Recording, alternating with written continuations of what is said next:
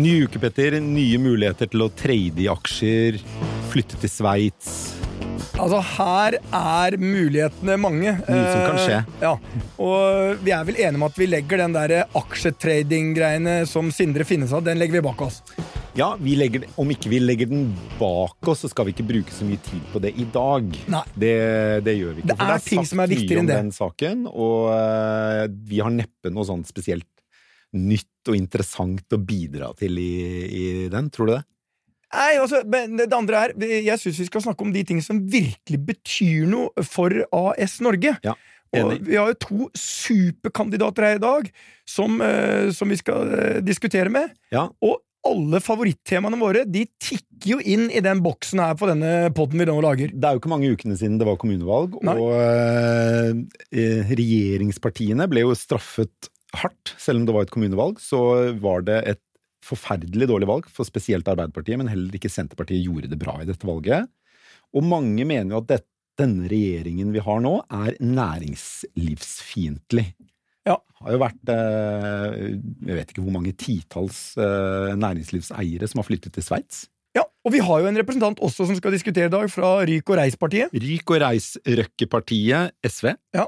Eh, Kari Elisabeth Kaski, som er SV-politiker, kommer sammen med Ole Erik Almlid, NHOs administrerende direktør. Ja. Så det blir bra. Det blir, Og vi skal diskutere mm, statsbudsjettet. Yes.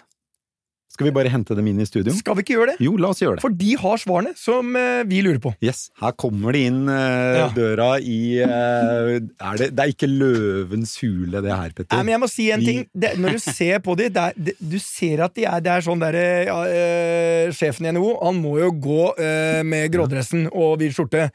Men når du ser nestlederen i finanskomiteen på Stortinget Ja. Det er mye business her, altså. Kunne ha vært CFO i et børsnotert selskap. Altså, absolutt. I stedet er du da eh, sentralpolitiker og nestleder i finanskomiteen på Stortinget for SV. Partiet som ba Kjell Inge Røkke ryke og reise til Sveits. Er det et øyeblikk du er stolt av på vegne av SV, Kari Elisabeth? Så jeg tror at um, jeg får låne eh, en annen politikers velkjente ord. Jeg ville kanskje ikke brukt akkurat de ordene. Nei. Um, og så er det klart at eh, Kirsti Bergstø sa jo det i kontekst av en landsmøtetale og i kontekst av uh, Røkkes uh, um, Altså det som han har gjort knytta til fiskerinæringa i nord. Så jeg skjønner jo at det er liksom uh, Men det ble ja, sagt det er i forbindelse med at han meldte flytting til Sveits. Eh, Det ble det absolutt. Ja. Så det Eh, var, også- det var i den forbindelse han ble bedt om å ryke og reise? Ja da, og jeg har jo også sagt at jeg har jo ikke noe eh, behov for å eh, eh, verken eh, sjarmere eller kose med de som, som reiser til Sveits eller har stor sympati med dem, men, eh, men det går jo an å ja, man, man uttrykker seg ulikt, og det er ulike kontekster der Ja, man så du ville ikke akkurat brukt de ordene? Nei, jeg ville ikke gjort det. Eh, Ole Erik, du ville jo garantert ikke brukt de ordene. Nei. Er det um, det, Nå er jo ikke SV i regjering, men de er jo et eh, støtteparti til regjeringen. Uh, bekymrer det deg at et parti på Stortinget ber én norsk milliardær, da, men, men sånn implisitt alle som velger å ta formuen sin og flytte ut av Norge, om å ryke og reise? Ja, Det bekymrer jo meg naturligvis, og jeg er helt enig i at man burde ikke ha brukt de ordene, men det bekymrer meg kanskje enda mer at de drar, i at noen ber de drar. Fordi at eh, Eller, men for å ta det først, da. Jeg tror vi skal være forsiktige med hvordan vi ordlegger oss i en debatt som jeg mener blir mer og mer polarisert, og da skal vi velge våre ord med omhu, for at mange av oss representerer jo noe mer enn oss selv. Så derfor så tror jeg det er lurt å ha et ordskifte som bærer preg av respekt, og ikke, ikke at vi skjeller ut hverandre. Når det er sagt, så er jeg jo bekymret for at de drar, fordi at mange av de her er de flinkeste huene vi har. Mange av de har jo skapt gode mange arbeidsplasser, gode bedrifter, mange har skapt store virksomheter som betyr mye for mange. Så det at vi har en situasjon nå hvor vi ser at folk flytter fordi at de opplever at det ikke er attraktivt å være her, er jo et stort problem for veldig, veldig mange. Hva er det du tenker er problemet med det? Fordi virksomhetene deres blir jo Ja. i stor grad i Norge. Nei, Paradokset er jo at når de flytter, så blir det jo slik at eh, mange bedrifter har jo mer penger igjen i sin kasse, fordi at du ikke trenger å bruke, ta utbytte for å betale formuesskatt. Så sånn sett er det et paradoks at når Røkke drar til Sveits, så har Aker eh, og Aker-systemet mer penger å bruke på investeringer. Men det som bekymrer meg, er jo på sikt hva det betyr. Fordi at du vil miste folk på sikt. Når de får barn igjen, ikke sant, så vil de ha et annet fokus. Så det å ha investorer i Norge som investerer i Norge, det har betydning, og da er nærhet et poeng. Og så kan man jo diskutere om de burde ha dratt eller ikke, men faktum er at når de drar, så drar de også huet med seg, og er flinke huer som skaper mye i Norge. Og husk på, vi har jo ikke mange sånne familierikdommer i Norge. Vi har veldig mange som har skapt sin egen rikdom fordi at de har gjort gode ting, og da bør vi gjøre det attraktivt å være i Norge. Så det håper jeg at vi Håper vi får dem tilbake igjen, men folk må jo gjøre det de vil. og Sveits er jo et fantastisk fint land å bo i, så det kan jeg jo kan forstå det. Eh, men Kari Elisabeth, mm. det er jo godt kjent at jeg eh, har sagt at jeg blir i Norge uh, nær sagt uansett. Men ser du som meg at uh, vi kan oppleves nå i Norge som næringsfiendtlige, og at det er et problem at Altså, jeg følte at etter Kjell Inge uh, flytta ut, Kjell Inge Røkke flytta ut, så åpna det døra. Det, det legitimerte for en helt, et enormt antall som flytta ut. Mm. Og når du så på Kapitals eh, liste over formuer som har flytta ut nå mm. altså, hvis, altså, Er du bekymra for det? Jeg, jeg, jeg, tenker at det er liksom for det første viktig at vi eh, snakker om samfunnsansvar. Da. Dette er jo eh, Eh, mennesker som har bygd opp en veldig veldig stor formue i Norge, takket være også veldig mye som er lagt til rette av det norske samfunnet, i form av utdanning av høykompetent arbeidskraft, i form av infrastruktur, i form av en velferdsstat som skaper sikkerhetsnett, sånn at man nettopp kan skape eh, bedrifter. Og det, det perspektivet syns jeg mangler litt i den, i den, debatten. Jeg skulle gjerne sett at de ble i Norge, eh, men, men heller ikke Norge kan liksom ha et Eh, drive skattekonkurranse med Sveits her. Vi kommer aldri til å ha det samme lave skattenivået som blant annet Sveits har for, for utlendinger. Når det er sagt, da, så tror jeg det er viktig med skattesystemet at det er forutsigbart mm. og stabilt. Eh, og det er jo kanskje noe av det, hvis vi skal se på liksom det siste, det siste eh, året, da, i særdeleshet i etterkant av statsbudsjettet i fjor, og som vi også var tydelige på fra SV sin side da, da regjeringa la frem det, at for eksempel den der økte arbeidsgiveravgifta, som jeg tror egentlig rammer liksom det brede næringslivet mye mer enn den der litt sånn ja, særnorske debatten om formuesskatt, som egentlig etter mitt syn får altfor stor plass i debatten om næringspolitikk, da. Eh, den er mye mer dramatisk, den arbeidsgiveravgifta. Den ønsker vi at skal fjernes. For det er noe med sånn, fra SV sin side, vi vil ha et høyt skattenivå, vi vil ha omfordelende skatter, men, men, jeg vil understreke at det er viktig at det er stabilt, da, sånn at næringslivet vet men, hva de har å forholde men, seg til. Men jeg er veldig mye i Sverige. Mm. Jeg har merka en helt fundamentalt endring i synet på Norge mm. de siste 18 månedene. Mm. Og jeg har vært i Sverige i over 20 år. Og jeg har aldri opplevd at det landet jeg elsker, blir omtalt på den måten som er nå. Mm. Og det gjelder liksom Ja, Hvordan er det, Petter? Nei, De beskriver, de beskriver det som næringsfiendtlige. De beskriver som hvordan de behandler De får med seg alle som flytter ut. Diskusjon om formuesskatten. Eh, og det hadde jo svenskene for eh, en del år siden, og de tok det jo bort fordi de, akkurat samme skjedde i Sverige. Altså Enormt av de eh, svenske næringslivere flytta ut, tok med seg formuen og mange av de flytta aldri tilbake, så de måtte reversere. Eh, Sverige har ikke olje og gass, hadde ingenting, så de tenkte nå flytter svensk næringsliv ut, det kan vi ikke akseptere. Men måten de snakker om Norge på nå, det er for meg Jeg liker ikke i det hele tatt. Og det der kommer til å koste oss mye penger. Mm. Samtidig så går jo investeringene Investeringene i Norge gikk opp i fjor, og de, de er høye også i år. Så jo, men jeg er bare opptatt av å nyansere litt, da, uh, når man snakker næringsfiendtlighet, for jeg kjøper ikke hele den, den fortellinga. Men vi skal jo ta på alvor uh, at mange reiser til Sveits, men jeg tror årsaksforklaringene til det er mer men, enn bare uh, næringspolitikken, da, ikke sant? Ja, bare for å kommentere det med at investeringene går opp, og det er for så vidt bra, det, men nesten hver eneste investering som vi snakker om i år, ble tatt en beslutning på mm. før de mm. eh, skatteendringene kom i fjor. Så, så, hva som skjer i år, er så sin sak. Hva som skjer om ti år, fem år, er egentlig det som måler om dette fungerer eller ikke. Og så tror jeg Petter har et poeng, for vi hører det samme. Vi snakker jo med våre europeiske kolleger, vi snakker med investor, eh, investorer ute, investeringsmiljøer, og vi hører at det er blitt lagt inn en sånn country premium risk, som det heter da på toppen, så i regnearket, da, skal vi investere der eller der? Nei, vi investerer ikke der fordi at du har en sånn mm. forut... Du har en sånn forventning, eller frykt, for at det kommer en skatteøkning ut av det blå. Så Formuesskatten treffer jo ikke utenlandske investorer. Nei, men jeg tror ikke for...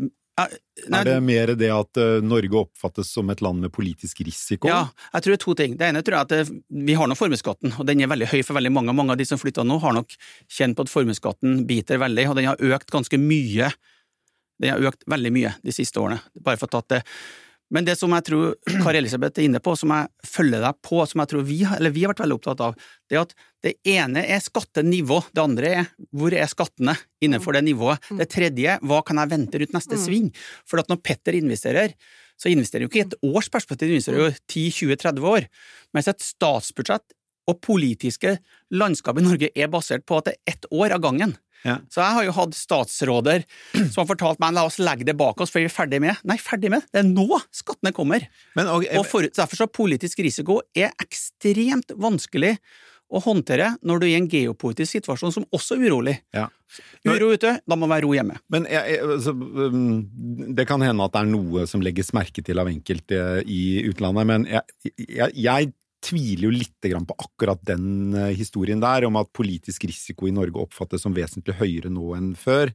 Eh, hvorfor tviler du på det? For det første fordi de færreste bryr seg egentlig om hva som skjer i Norge. For det andre fordi Norge selv, med formuesskatt, endring i arbeidsgiveravgift og osv., er et liksom, i internasjonal, internasjonal toppsjikt på politisk Ja. stabilitet. Altså, Men du sånn tar feil der, altså, Per. Du tar, nei, jo, nei tar- Ole Erik, det, ja, men det er ikke sånn at og for det tredje, men for, og for det tredje, fordi formuesskatten treffer ikke utenlandske investorer. Eh, den Altså, gjelder snakker- norske investorer. Vi snakker ikke om formuesskatten akkurat nå. Nei, men, men det er likevel at Så den, det som er det konkrete Uh, uttaket av Ja. den eventuelle økte politiske risikoen, er jo noe som ikke treffer dem likevel. Skal ta, skal ta Ok, et eksempel. Skal ta et eksempel, Ok, kjapt også, så, så ja. jeg, jeg, ta et eksempel, fordi at vi vet nå at i frykt for at vindkraftbeskatningen blir av en sånn karakter at du ikke får investeringer, utenlandske investorer ligger på vent og se hva det betyr. Det Mm. er helt reelt. Og så er det ikke sånn at alle investormiljøer i Norge, nei, i verden ser til Norge, men det er et faktum at mange sitter og venter på det nå. Så får jeg håpe at Norge blir en veldig god vertsnasjon for utenlandske investeringer, og det blir det. Ja. Så la oss håpe, Kari Elisabeth, at årets budsjett blir det kjedeligste budsjett i manns minne. Ok, så dit jeg ville var egentlig det, uh, i og med at det er statsbudsjettet om noen få dager, uh, Mm. uh, så lurer jeg litt på om for norske investorer, eller for norske næringslivsledere, eller for norske gründere som ønsker å lykkes, sånn som Kjell. Inge Røkke har lykkes, eh, har, det, har det noe å si for dem og deres motivasjon eller vilje til å satse i Norge? Tror du det, Kari Elisabeth? Altså, jeg, jeg tror jo statsbudsjettet er selvfølgelig viktig. Um, både på det nærings... Uh, altså det med, med sånn konkrete næringspolitikken i det. Blant annet nå så i statsbudsjettet i høst skal vi jo diskutere Norge sin respons på USA sin Inflation Reduction Act, og også EUs tilsvarende program. Det er jo kjempeviktig for store deler av næringslivet i den omstillingsfasen som vi er inne i akkurat nå. Uh, skatteavgiftsnivå, selvfølgelig viktig. Um, avgifter er også en del av det. Så og så tenker jeg også de, de øvrige delene av politikken. Altså, det er heller ikke bra for næringslivet at folks kjøpekraft reduseres. Det er ikke bra for, eh, for folk som, som ja, enten det driver hoteller eller skal selge andre varer, at, at folk strammer inn så mye akkurat nå, eller at vi får voldsom vekst i ulikhet og mange flere fattige. Ikke sant? Det skaper også ustabilitet da, framover, at, at samfunnslivet glipper på den måten her. Så det er jo litt det som er utfordringa vår da, som politikere, at vi har veldig mange mål vi er nødt til å nå framover. Eh, og, og er, det er helt legitimt fra næringslivet sin side å ønske et, et lavt skatte- og avgiftsnivå. Og så har vi andre målsetninger i tillegg som handler om omfordeling, som handler om å kunne bygge og styrke velferden. Og så må vi klare å gjøre det på en måte som nettopp er forutsigbart. For det, det følger jeg 100 og, og der mener jeg at det var eh, Det var ikke positivt det som skjedde i, i regjeringa sitt fremlegg av statsbudsjettet i fjor. Jeg tenker at det går an å få til et høyere skattenivå eller de inntektene du trenger, og den omfordelinga du trenger, på en mer forutsigbar måte enn det som skjedde da, med sånne midlertidige skattegrep som jeg ikke har så veldig stor sansen for. Og det har åpenbart ikke du heller, Ole Erik. Nei, men jeg synes det er veldig klokt, det, fordi jeg tror at skattepolitikk er sånn type politikk hvor at det er fordel med breie forlik, og breie skatte... Eh, Skattsatser, nøytral skatt er veldig bra, og så kan du bruke eh, god tid på å finne nye skatter, og så gjør du det eh, over tid, så det er forutsigbart. Men til spørsmålet ditt, eh, Per, om, om næringslivet følger med budsjettet, eh, det tror jeg jeg jobba igjen nå siden 2013. Det har blitt mer og mer interessant for næringslivet å følge med statsbudsjettet, for det er mer og mer viktige rammevilkår for hvordan du driver. Og hvis du sitter og er redd da, for å få noe, så følger du i hvert fall med. Så jeg tror jo at politikk blir viktigere, og da er det viktig at politikk virker slik vi ønsker. da. Skape arbeidsplasser, sikre grønt skifte, sikre forutsigbarhet Mm. for Petter og andre. Det er veldig viktig. Per, det, det, nå sier jeg at eh, formuesskatten den rammer egentlig bare vi som bor i Norge og driver virksomhet her sånn. Det er jo faktisk noe av problemet med den Yes. skatten. Ja, ja. Yes. Det du Ja, sier ja, er absolutt. Ja, men det Så jeg er, sier ikke at det er bra. men det Problemet er utlendinger Vi gir utlendinger altså en, en fordel framfor oss som, som virker her, er her og investerer her. Og det er, det, jeg er redd for Ja, jeg er enig med deg, rammebetingelsene er viktig, men når omfordelingen blir sånn at det skal være mer attraktivt å bo på utsida av Norge og investere inn i Norge, da må vi innse det der er, Vi må finne en annen måte. Ja. Altså jeg sier, Det er ikke det samlede skattetrykket, for det, dette er et problem for meg. Når jeg diskuterer med svensker om hvor vi skal børsnotere selskaper, hvorfor sier de alltid det er Stockholm Børs, ikke Oslo Børs lenger? Glem olje og gass for at det er en organisasjon. Hvorfor det? Fordi hvis du har et selskap der med enorm verdi, altså tech-selskaper og annet, som har underskudd, ingen utbyttekapasitet, da må de som sitter og har starta selskapet, skapt formuen sin, de må selge aksjer kontinuerlig for å kunne finansiere en formuesskatt. Og så er det noen som sier da, politikere, ja, men det er bare å selge Ja, men til slutt så ender du med null! Ja. Og, det, det, og det, strukturen er feil! Altså, innretningen er feil! Og hvis ikke man finner løsninger på Og jeg vet ikke hva løsningen er, arbeidende kapital Dere må finne noen løsninger hvor man Og dette er eh, den gordiske knuten. Man kan beholde formuesskatten, men man må endre på innretningen. For jeg liker bare ikke det jeg ser ute. Og jeg er, altså, jeg, jeg elsker det landet her, og det har gitt meg alle mulige forutsetninger for å bygge et fantastisk selskap. Men jeg ser konsekvensene av det. Ja. Og hvis ikke Også... politikerne begynner å se og, så, og jeg, jeg, Investeringene i Norge, der har Ole Erik dessverre helt rett. Du ser ikke nå, ser ikke neste år. Vi gjør det samme. Men at vi omfordeler investeringene våre og flytter mer til Sverige, er jeg redd.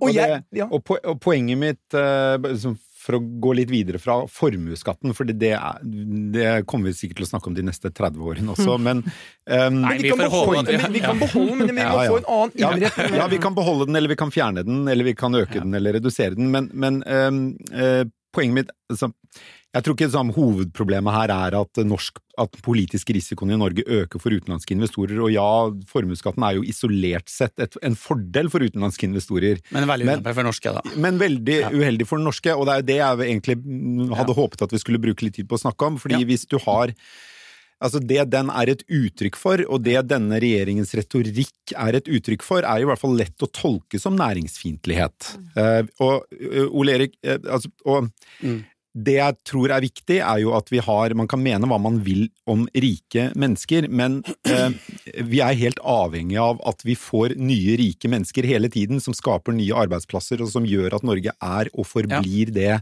rike og fantastiske landet vi bor i. Ja. Og der tenker jeg at retorikk betyr en god Ja. del. og eh, hva slags signal politikere sender til velgerne sine om Ja. hvem er våre helter, hvem er det vi tror på, hvem er det vi ønsker å bygge Mm. Ja. dette landet opp rundt. Mm. Og, um, og, og, og der er vel ikke denne regjeringen veldig med på å bygge norske næringslivsledere som helter, Ole Erik? Nei, det, det er en kjensgjerning at av våre eh, bedrifter og bedriftsledere og eiere i de miljøene vi representerer, så har man opplevd at man har blitt snakka ned og ikke fått det klappet på skuldra man ønsker å ha. Du må huske på at typiske norske bedriftsleder er jo en som eier sin egen bedrift. Det er en liten mellomstor bedrift, en eller annen fjord eller på en fjellknaus hvor du har pantsatt huset ditt for å finansiere det. Du har du har kona eller mannen din med i bedriften, og sånn er det. ikke sant? Og Du har egentlig ikke noen annen verdi enn verdien bedriften representerer, og du må ta, ta ut penger i banken eller ta lån for å betale formuesskatt. Men da trenger du å få litt sånn klapp på skuldra av og til, og høre at du er en del av en verdikjede hvor vi skaper gode arbeidsplasser, sikrer grønne løsninger, og ikke få beskjed om at nå skal vi ta rikingene. Fordi, så Derfor så betyr retorikk mye. Nå betyr politikk veldig mye mer. Nå får vi håpe at både retorikken roes ned og politikken blir, blir mer næringsvennlig, men faktum er at dette betyr noe for veldig mange. Og, og jeg opplever jo, Kari Elisabeth, at det faktisk at den norske modellen har vært et godt samspill mellom de ulike hensynene, hvor at det faktisk har vært lov til å skape noe. Og ha, å ha, ha litt mer for, fordi at du har skapt noe, men som også da bidrar til at du har en sånn god verdikjede hvor du skaper arbeidsplasser. Så, så jeg, til det du sier, er jeg håper, Per, håp om at de neste to årene blir bedre også når det kommer til retorikken, så at folk får et klapp på skuldra. Og i lokalvalgkampen fikk jeg masse meldinger på at lokalpolitikere faktisk var veldig nær mange av de næringsdrivende, og det var en helt annen stemning rundt omkring i små og store lokalsamfunn i Norge. Ja. Og det er bra. Og mange næringslivsledere er jo engasjert i politikken lokalt, men ja. svært få nasjonalt. Og har mye mer tillit også til lokalpolitikere, faktisk. Har de. Ja, og det, altså, det er jo selvsagt, holdt på å si, fordi at eh, lokalpolitikere er jo eh, opptatt av å ha både næringsvirksomhet og arbeidsplasser lokalt. Så, så tenker jeg jo liksom, det er lett å skyve foran seg eh, de der små og mellomstore bedriftene, men når du ser den der overordna debatten, så er det jo de, de som er betydelig rikere enn det, som jo selvfølgelig også preger samfunnsdebatten om blant annet skattenivå og rammebetingelser. Og da blir det altså, Ja da, man kan kalle det polarisert, men det er klart, det er jo også en realitet at også samfunnets aller rikeste utøver en form for makt og samfunnspåvirkning eh, gjennom nettopp eh, i kraft av å ha den formuen og i kraft av å kunne være på forsida av, av VG og mene at skattenivået er for høyt. Og, og når man driver omfordeling, så, så får du litt krasj da, eh, på, på akkurat det. Og det, um, det, det tror jeg vi bare det, Sånn er det. Eh, men så er jeg enig i at man må liksom ha en, en, en debatt som er saklig, og som handler om sakens realiteter. Det er liksom ikke så viktig å gå inn på liksom sånn personangrep eller, eller sånn, men, men å, å snakke om sakens realiteter, som er at ja, vi som er politikere, vi har flere mål her. Vi må drive omfordeling. Da, må også, da må også landets aller rikeste betale, betale mer i skatt, fordi at det oppnår flere samfunnsmål som den infrastrukturen, som den velferden Men man har jo gjort det ganske oss. effektivt med å øke utbytteskatten reelt. Yes. Altså reelt Yes. økning på den. Så det betyr alle pengene du har i bedriften, som jeg tjener og Mm. reinvesterer, så skaper arbeidsplasser. Vi er den syvende største arbeidsgiveren i Norge. Mm. Alt det jeg investerer, de, det er ikke noe penger jeg har glede av, det går i bedriften og ruller der. Mm. Og så har dere Mm. gjort, ganske effektivt, økt utbytteskatten. Altså, Skal jeg ta penger ut og bruke det, da skal jeg betale mye høyere skatt. Mm. Den har vel gått fra 28 til 38, eller hva det Ja, den utgjør nesten like mye proveny nå som formuesskatten. Ja. Mm. Så du kan si at det, jeg syns det er en fornuftig modell, men ser ikke du også, Kari Elisabeth, at det er et problem når det skapes et inntrykk av at Norge er et land vi ikke lenger kan stole helt på? Ja, og det er jo det jeg sier om forutsigbarhet, men, men la oss bare også huske på at ulikheter i Norge, den økonomiske ulikheter, når du ser på formuesnivå, det er på nivå med Storbritannia. Høyere enn land som Spania, Frankrike, Italia. Så ulikheter har, har virkelig skutt i været i Norge, og det mener jeg det er et kjempeproblem. Det kommer også til å gå utover økonomisk vekst, det kommer til å gå utover tilliten i samfunnet vårt, eh, og det handler ikke bare om antall fattige, det handler også om at, at strekket i laget blir for stort. Og derfor så trenger vi den omfordelinga, men, men, men som jeg sier, på Altså, det er jo ikke det Du har et forutsigbart høyt og omfordelende skattenivå, da, eh, som, som, sikrer, som sikrer omfordeling. Og så bare for å ha sagt det, alle skatter har negative konsekvenser. Det er jo ingen grunn til å legge skjul på det. Og så finnes det ulike skatter, som for eksempel skatt på arv vil ha langt færre negative eh, konsekvenser, blant annet for næringslivet, etter mitt skjønn. Mye mindre effektivitetstap enn en del av de andre skattene som vi har økt. Men der får ikke vi Arbeiderpartiet og Senterpartiet med oss på det da i forhandlingene, men jeg tenker det hadde vært eh, eh, kanskje viktigere å gjøre enn den økninga på formuesskatten og utbytteskatten Introdusere arveavgiften i Norge igjen. Ja, eller egentlig få en ny en, da. For arveavgifta som vi hadde, var ikke noen god modell. Så det må være en, en mer sånn eh, høyere bunnfradrag. Sant? Det er de store arvene du tar, da. um, og, og beskatter, og ikke, ikke si, det som folk flest Men da Eh, det kan, arver, da. det kan jo være at effekten er at da flytter eh, Da øker den der eh, transporten til Lugano Jo, men igjen, da. Dramatisk. sant? Vi kan ikke drive skattekonkurranse med Sveits. Det er ikke det, men vi kan, vi kan, vi kan drive Vi må være ikke for ulike våre nærmeste naboer. Helt Vi enig kan ikke være for ulike Nei, Sverige. Det er jeg selvfølgelig Ja. helt enig i, men skatte... Glem Sveits, Ja, ja, altså. ja, men skattenivået i Norge, hvis du ser totalt sett, det ligger nå på snittet i OECD. Så at vi- vi er Men, men det er de ulike innretningene, da. Hva er det du skrur på? Eh, som man også må se på. arveavgiften er jo Det er jo en veldig det er, det, Norge er jo unik i verden omtrent ved å ikke ha Mm. noen form for skatt eller avgift på arv. Og formuesskatt er vi unike Ja, med. det, det er nettopp. Så Andre- andre vi skiller oss ut eh, både Men- på formuesskatt og si fravær av en arveskatt, da. For å si en ting som jeg tipper vi kan være enige om. Det, det ene så er at noen skatter har større effektivitetstap enn andre. OECD sier blant annet at formuesskatten har stort effektivitetstap, så formuesskatten er per definisjon mer skadelig. Eh, Og når du reiser rundt kysten, så hører du jo det. Men, men det som jeg syns var veldig dumt gjort av regjeringen, det er at man la bort et forsøk på å ha en ordentlig skattedebatt i Norge. Fordi at det var mye med Torvik-utvalget som vi kan si var uenig eller enig i, men det var i hvert fall forsøk på å komme en skatteforlik i møte.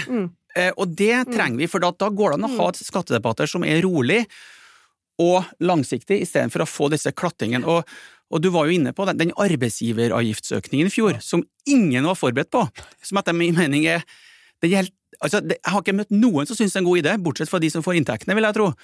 Den må bort nå, for at sånne ting Tror du den forsvinner nå i statsbudsjettet på fredag? Ja, den må Jeg håper jo det er logikk i det, og så håper jeg jo at noen kan bidra til at den forsvinner Ja. hvis den ikke kommer Ja, du er jo ikke noe fan, Kari Nei, ikke noe fan av den. Eh, og så er det klart at provenyet er jo dessverre veldig høyt. Ja. Eh, men Det det, er jo utfordring- Ja, Det er og det er jo- problemet selv med dårlige skatter, at ja, ja, men de, de nettopp. monner. Altså, det å, å, å innføre en sånn skatt over natta med et så stort proveny, gjør jo at det er reelt vanskelig å fjerne det, liksom. Eh, men, men, eh, men vi mener jo det må bort, og jeg tror egentlig at handlingsrommet i budsjettet bør tillate det også.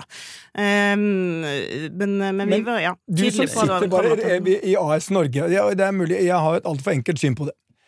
Du sitter og styrer basically AS Norge sånn, i hvert fall. eh, Nå, nå. Ja, men, men, men, men, men la oss si det, det er nesten. Og så diskuterer vi da syv 7 milliarder på arbeidsgiveravgiften, og så Ja. diskuterer vi noen milliarder på formuesskatten og sånn. Så skapes det et bilde av at Norge virkelig trenger pengene. Og da er mitt spørsmål til deg. Tar, la oss ta et helt ukjent selskap, som er i din del av AS Norge. Petoro. Hva var overskuddet til Petoro i 2022? Nei, det tør jeg ikke gjette Men la oss si 500 milliarder. Mm. Det er det veldig få som er klar. Det kommer altså 500 milliarder inn. Så det er ikke sånn at AS Norge er en bedrift som trenger veldig Altså, vi trenger jo å ta ut noen ekstra kroner av Ole Erik eller av Per. Det er ikke der problemet ligger. Norge har enormt med inntektsstrømmer. Og bare Petoro, da, i år blir det kanskje 300 milliarder. Fint. Det er Ingen snakker om det engang, men vi diskuterer veldig mye at uh, arbeidsgiveravgiften på de over 750 000 var det, gir 7 milliarder. Mm. Så vi må liksom sånn Er det jeg som tar feil? Er det, sånn, er det omfordelingen som er viktig, eller er det eh, pengedelen som er viktig? Har vi for, føler du at vi har for lite penger her? Nei, altså Jeg er veldig opptatt av å si akkurat det du sier nå, da, at Norge har veldig mye penger. sant? Det, det, det er jo ikke mangel på penger, og det er også viktig i den diskusjonen om oljepengebruk og sånn, ikke sant? at vi har masse penger. Men, men klart at omfordeling for SV sin del er jo et selvstendig mål. Og det tror jeg bare også er liksom viktig å ha med seg. Selv om kua dauer underveis? Nei. men, eh, og det mener jeg at den ikke gjør, da. Men, men det er klart sånn, vi, vi bruker jo deler av det, den skatteøkninga som vi får gjennomslag for i budsjettforhandlingene, til lavere skatt til folk flest, som de kan bruke på, på hotellreiser, for eksempel, hotellovernattinger. Og det er jo en del av omfordelinga også, ikke sant? At vi skal ha ned forskjellene i, i Norge. Um, men, men det er jo ikke noe mål på den veien, og det mener jeg at vi heller ikke gjør, da, og, å, å eh, Så det er mer ideologisk enn økonomisk? Selvfølgelig er det ideologisk å få ned forskjellene. Det er jo viktig for SV, og jeg har heller ikke møtt et eneste politisk parti, heller ikke på høyresida. Altså, Sjøl Høyre sier jo at det er viktig å ha et samfunn med små forskjeller. Eh, og så kan vi liksom diskutere når er det forskjellene har blitt for store. Vi mener de er blitt for store nå. Men, men bare to ting. Det ene eh, Den aller rikeste i Norge er utvilsomt staten. Vi har verdens Ja, rikeste stat. og det, så skal man ta rikingen, så skal man ta staten. Men, men det er det ene. Det andre, det andre er og det mener jeg er et godt poeng som går på holdning. da. For når regjeringen kommer og sier vi skal øke arbeidsgiveravgiften over 750 000 inntekter, eller inntekter på over 750 000, det gir oss 7 milliarder. Uten at noen visste det, uten utredning. Og så sier vi men vi skal ikke øke arbeidsgiveravgiften for de som jobber i offentlig sektor. Så det er bare de som jobber i privat sektor. Da er jeg sånn det er sånn, La oss ta næringslivet, 7 milliarder. Og så har man en inntekt på 7 milliarder, men husk at det som er inntekt ett sted, det er en kostnad et annet sted. Så da har du tatt 7 milliarder bevisst fra norsk næringsliv, bang, og så holder du offentlig sektor unna. Og så har du jo dermed også gitt eh, offentlig, offentlig sektor et konkurransefortrinn i I- jakten på de beste folka. I jakten på beste folka. Nå Ja. mangler det folk. Ja. Så det er, det er så mye gærent med den der at jeg nesten Ja. lurer på om det var gjennomtenkt, altså. Nei, altså, jeg tror jo det var jo ikke ja, det var altså, det. Jeg, altså, jeg, er jo ikke regjeringa, holdt på å si, men, Nei, men nei, mitt det- inntrykk var jo at det var et panikkgrep, eh, og at man hadde liksom en, en litt eh, underlig eh, analyse og forståelse av den økonomiske situasjonen i fjor, Ja. rett og slett, som vi jo merka i hvordan fortellinga endra seg på ethvert tidspunkt. Men bare akkurat i det med offentlig sektor, for det syns jeg er litt viktig. Så, se på situasjonen som er i helsevesenet akkurat nå. Altså, med eh, kampanjen 'Leger må leve', den situasjonen som er med folk som, som slutter på sykehusene våre, i Nord-Norge er det krise, ikke sant? Så vi kommer til å måtte, tror jeg, akseptere at flere jobber i offentlig sektor. Det er en veldig viktig og vanskelig diskusjon som vi må ha framover. at jeg har jo ikke noe, liksom, jeg har jo ikke et lyst til heller å ha et stempel som næringslivsfiendtlig, eller at vi ikke skal ha folk i privat sektor. Men som politiker, du ser den bemanningskrisa som er i offentlig sektor. Ja, vi må jo effektivisere, vi må gjøre grep smartere. Men jeg tror også vi må anerkjenne at vi forventer på en måte offentlige tjenester da, som er langt bedre enn det vi får i dag. Men et det kommer alternativ, Kari Elisabeth, folk, da. et Mm. alternativ er jo å gjøre offentlig sektor til offentlig og privat sektor, som Mm. dere gjorde med barnehagesektoren eh, i en SV-regjering. Ja da, men, eh, men det er noe med sånn ideen om at hvis det er privat, så skaper det verdier, og hvis det er offentlig, Nei, så gjør det ikke nei, det er ikke det, men, men, men eh, Det tror jeg egentlig ingen mener. i- Med den eldrebølgen som Norge er i helt Mm. i startfasen av nå, så vil det jo komme et økende press på særlig på, på eldreomsorgen. Mm.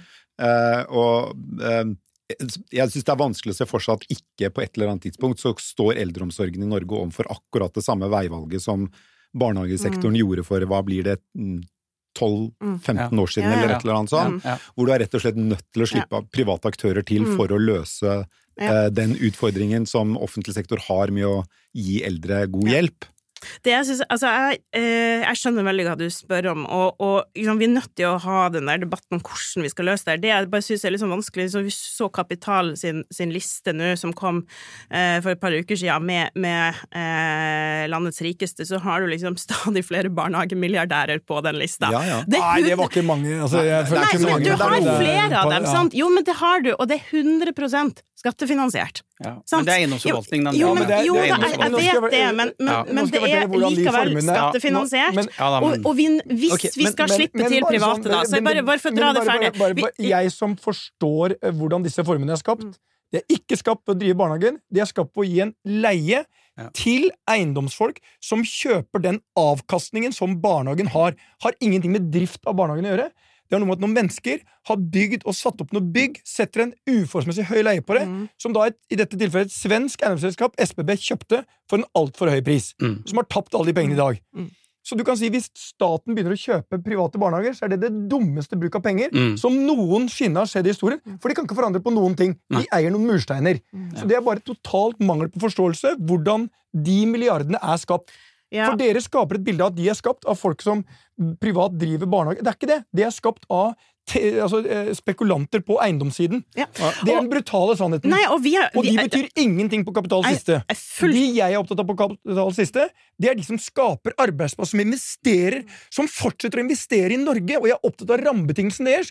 Og hvis ikke vi forstår at det vi, de valgene vi har nå, kommer til å få enorm konsekvens i fremtiden, Mm, mm. er altså, og vi har gjort noen valg nå som ikke er smarte, og da må, vi- da må vi være sånn Hvordan skal vi løse det? Vi må tilbake til et trepartssamarbeid og si jeg vil at, mine, jeg skal, at vi skal ha reallønnsøkning. Mm. Altså, Vi har vært her syv år nå med reallønnsnedgang. Jeg vil det! Men vi må få fornuftige løsninger. Og vi må ha rammevilkår som er fornuftige og forutsigbare, og det har vi ikke hatt i de okay, siste vi, åra. vi, vi, vi, Ja, det ble langt, Nei, nei, men det, ja. det er bra. Det er bra. Altså, jeg er enig i at vi må ha fornuftige løsninger. Ja, men, men, Alle i rommet er enige om at fornuftige løsninger er bedre enn ufornuftige. Men det er én Det ting ville vært bra framsteg, da. Det, det hadde vært kjempebra. Men la oss, la oss prøve å runde av med da fornuftige løsninger. Hvis, hvis dere skal velge én fornuftig løsning, og det er ikke lov å velge at den spesielle arbeidsgiveravgiften må bort, men en annen fornuftig løsning dere helst håper kommer i statsbudsjettet på fredag, hvilken er det? Start med deg, Kari Lisbeth.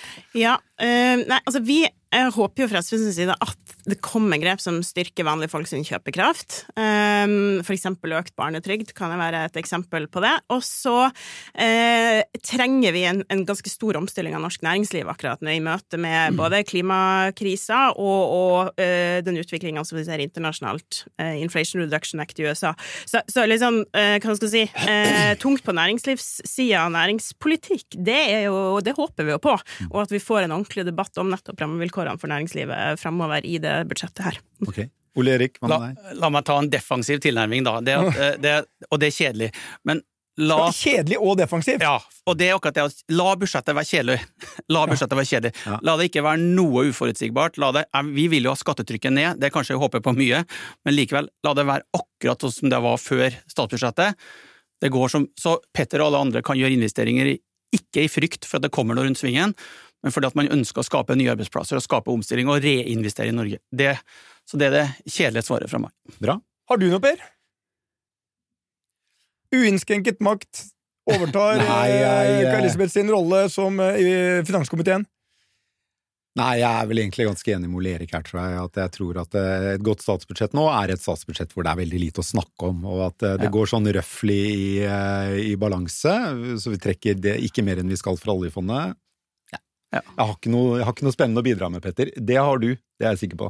Nei, jeg, jeg, jeg mener oppriktig at eh, vi må se på mulighetene for å gi eh, folk reallønnsøkning neste år. Mm. Da må vi håpe at inflasjonen da Mm. krabber eh, ned mot 3 kanskje, og med den høye vi har hatt, så er ikke det umulig. Og at eh, lønnsøkningen kanskje blir da 4-5. Mm. Så det tror jeg de fortjener. Så syns jeg at eh, jeg regner på hva min mor hadde fått i pensjon som Mm. minstepensjonist. Det kunne hun ikke levd av. Eh, Jeg fatter faen ikke i verdens rikeste land at ikke vi kan få orden på det, uansett hva det måtte ta. Og så er jeg faktisk helt enig med deg. Vi må øh, løse det at alle skal ha en barnehageplass. Eh, der begynte Kristin Halvorsen jobben. Eh, viktigste grepet hun gjorde for å få kvinner ut i jobb, det var faktisk det. Mm. Det andre er jo eh, det fantastiske som må fortsette. Det er Vi har hatt eh, en eh, finansminister fra ytterste høyre og ytterste venstre. Eh, og i begge tilfeller så har Finansdepartementets tog eh, vært på skinner. Nå har jeg følt at det har blitt et par solslynger underveis her, og vi må tilbake til sånn det var. At det spiller ikke så stor rolle om det er fra Fremskrittspartiet eller SV. Dette norske toget, det går på skinner. Det tøffere går. Tøffere er går. Veldig bra. Tusen takk skal dere ha, Ole Erik og Kari Elisabeth. Snakkes vi igjen neste uke, Petter. Det gjør vi.